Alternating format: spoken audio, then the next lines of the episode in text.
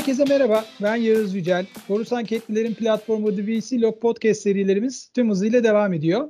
Konuğumuz İsmail Hakkı Polat'la blockchain ve bitcoin üzerine konuşmaya devam ediyoruz. Ben işte geçen Clubhouse'da bir odada böyle e, sohbet ediyoruz. Şeyi düşündüm yani ben aşağı yukarı işte 15 sene oldu benim de e, kendi alanımda çalışalı. Ben mesleğe başladığımda biz basın bültenlerine diye yapıştırır gazetelere öyle gönderirdik yani bayağı şey e, hard copy şey gönderirdik basın bülteni gönderirdik. E, şimdi Clubhouse'da işte sohbet ediyoruz tartışıyoruz. Aslında şey yani mecra değişti ama yaptığımız şey değişmedi. Gene ortada bir içerik var biz onu konuşuyoruz bir şekilde. Eskiden basın bültenini basıp gönderip konuşuyorduk. Şimdi odada toplaşıp konuşuyoruz. Biraz daha hızlandı. Şimdi bu e, teknoloji de ilerledikçe, geliştikçe alt kollar e, şey yapıyor, evet. e, doğuruyor. Şimdi de son dönemde çok bu gündemde olan NFT diye bir e, hmm. şey var, e, çılgınlık var e, non-fungible token değil mi şey evet, açılımı? Evet. E, bu da aslında bir blockchain şeyi e, sanıyorum Doğru. yanlış bilmiyorsam. Doğrudur. E, bu, bu, bu, bu ya bununla ilgili de çok şimdi e, gündemde olan da bir konu olduğu için özellikle bu e, dijital sanat tarafında e, epeyce böyle 60 milyon dolarlara satılan bir takım şeyler gördük. İşte bu haftaki Time'da bir uzunca bir makale vardı onunla ilgili. E, ben onunla ilgili de bir görüşünüzü e, başvurmak istiyorum. Kripto paraların en zorlu dönüşümden yani paradan başladığı için a, yol almaları biraz uzunca vakit alıyor. Ama şu anda olgunlaşan işte bu blok zincir teknolojisi ya da merkezsiz yönetişim, dijital yönetişim işleyişleri e, bize şunu getiriyor.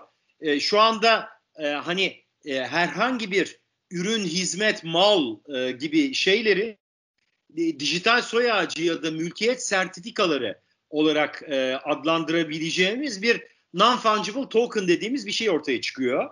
E, yani bu aslında bir kripto para gibi görünse de her ne kadar her ne kadar herhangi bir işte e, özellikle hani bu kültür sanat, oyun, spor gibi alanlardaki e, bir mesela şey e, ne derler sanat eseri yani bir eser, bir performans ya da bir anın e, şeyini e, yapıyor size e, dijital dünyada e, yani bunun ya sıfırdan yaratılmış mesela bir dijital oyun ya da bir dijital spor ya da bir dijital sanat eseri ama fiziksel dünyada var olan bir eser bir an ya da performansının da performansı da dijitalleştirip onun dijital soy ağacı ya da mülkiyet olarak sertifikalıyorsunuz. Burada ne var? Mesela size söyleyeyim.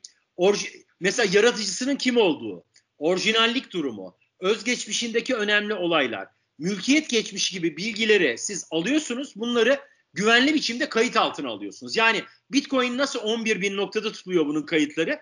Bunun da kayıtları mesela bir tablonun kayıtları, dijital eserin kayıtları e, şey yüzlerce değişik kültür sanat küresel kültür sanat blok zincirinde tutuluyor aynı şekilde. Dolayısıyla sahteliği en baştan expert, ekspertizi yapılmış ve konulmuş. Eğer bir şeye e, bir QR koduyla artık bu şeye bağlanmış e, ne derler garanti altına alınmış çeşitli şeyler e, aslında bunlar. E, çeşitli sertifikasyon ürünleri bunlar. Hani ben şunu söyleyeyim her şeyde NFT'ye çevrilmez. Yani bu non-fungible token'a çevrilmez. Neden? Mesela işte atıyorum e, herhangi bir şarkının e, siz NFT'sini şey bunu herkese dağıtıyorsanız bundan NFT olmaz. Bundan bir blok zincir şeyi olur, modeli olur. Ee, burada koleksiyonerlik önemli. Yani burada nadir bulunma, işte eskime, sınırlı üretim ya da tek Mona Lisa gibi tek şeyler önemli. Dolayısıyla bunun e, özellikle şu anda kültür, sanat, spor, oyun gibi sektörlerdeki collectible dediğimiz koleksiyoner e, eserler, anlar ya da performanslar e, çılgınca bir fiyat şeyine uğruyor.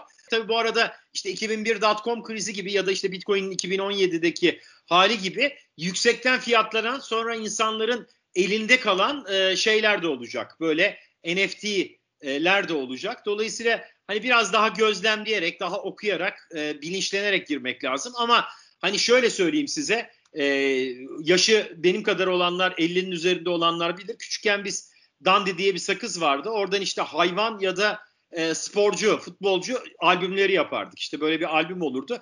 Kartlar çıkardı sakızlardan. Oradan yapıştırırdık. Bir iki tane böyle hayvanın benim hatırladığım kadarıyla ökap, ökap, ökapi diye bir hayvan vardı mesela. Onunki bulunmazdı az bulunurdu. Ya da işte Fenerbahçeli Cemil Turan, Galatasaraylı Metin Kurt gibi falan böyle az bulunan Beşiktaş'ta da Tezcan vardı galiba. Az bulunan kartlar vardı. Ama o albümü siz tam yaptığınız zaman gururla gezerdiniz. Herkesten daha farklı bir koleksiyonum var diye. Nadir parçayı buldum diye. Bir de şimdi bakıyorum şu anda gitti gidiyor da falan inanılmaz fiyatları satılıyor albümler. Zamana bağlı olarak bunlar da gelişecek, şey yapacak. Aynı pullar gibi, tablolar gibi de değer kazanacak. O yüzden e, ona da ilk ilk aşamada bu şekilde bakmak lazım. Hocam çok çok çok güzel örnek verdiniz. Ben sizin örneği yakalayamadım. Yaşımız çok uzak değil aslında ama e, ben de İtalya 90 Dünya Kupası'nda o şeyler vardı. Panini miydi o şeyin e, markası? Onların kitapları çıkardı. Her hmm. seferinde de Maradona çıkardı. Bana aldığı bütün şeylerde. Değil mi? Ee, Değil ve mi? onu yani tamamlayacağım diye hakikaten bir servet harcamıştım. o yaşımda. Aynen bu. Bakayım ben şimdi bana çok güzel bir ışık yaktınız. Annemin evinde arayayım tarayayım ben o kitabı bulayım. İsmail Hocam. Yani en iyi para edecek. Aynen çok çok teşekkür ederim. Ee, bize vaktinizi ayırdınız. Ee, güzelce sohbet ettik. Ee, merak ettiğimiz her soruya açıklıkla yanıt verdiniz. Ee, çok teşekkür ederiz. Ee, iyi ki varsınız. Ee, bakalım umuyorum e, yakın zamanda tekrar e, belki farklı konularda da e, yine sizi e, ağırlamak biz isteriz. Sizin de vaktiniz olursa ne mutlu bize. İnşallah kısmetse diyelim. Sağlıklı günler dilerim hepinize. Çok Görüşmek teşekkür üzere. ederiz. Sağ olun İsmail Hocam. Sağ olun.